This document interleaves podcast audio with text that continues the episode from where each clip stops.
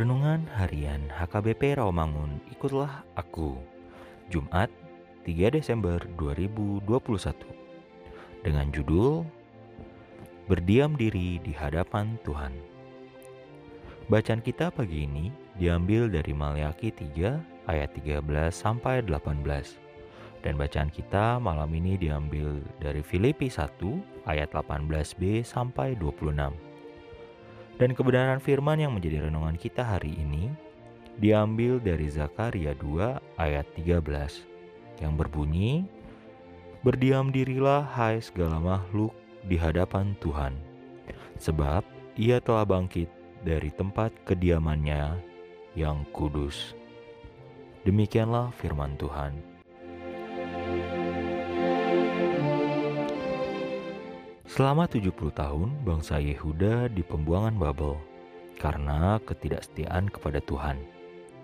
Mereka hidup di negara asing dan berada jauh dari tanah pusaka dan bait Allah sebagai pusat spiritualitasnya.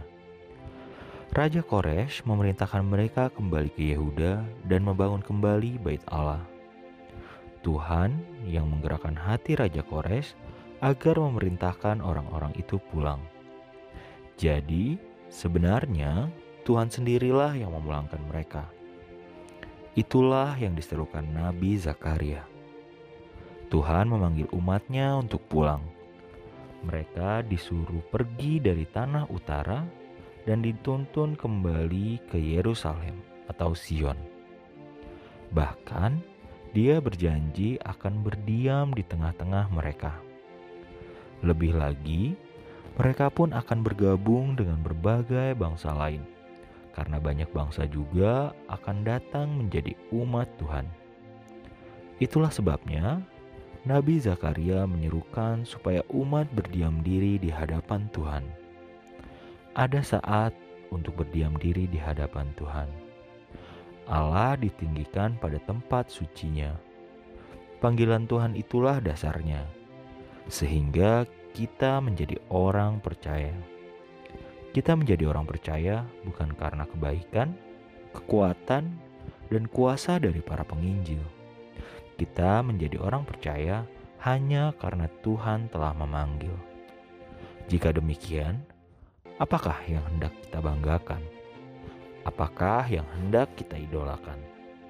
Apakah orang yang mengajarkan agama kepada kita? Tentu bukan satu-satunya yang harus kita banggakan dan idolakan adalah Tuhan, karena Dia yang memberi kesempatan kepada kita untuk menjadi umatnya.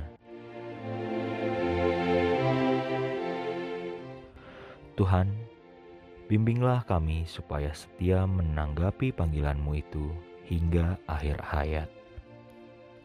Amin.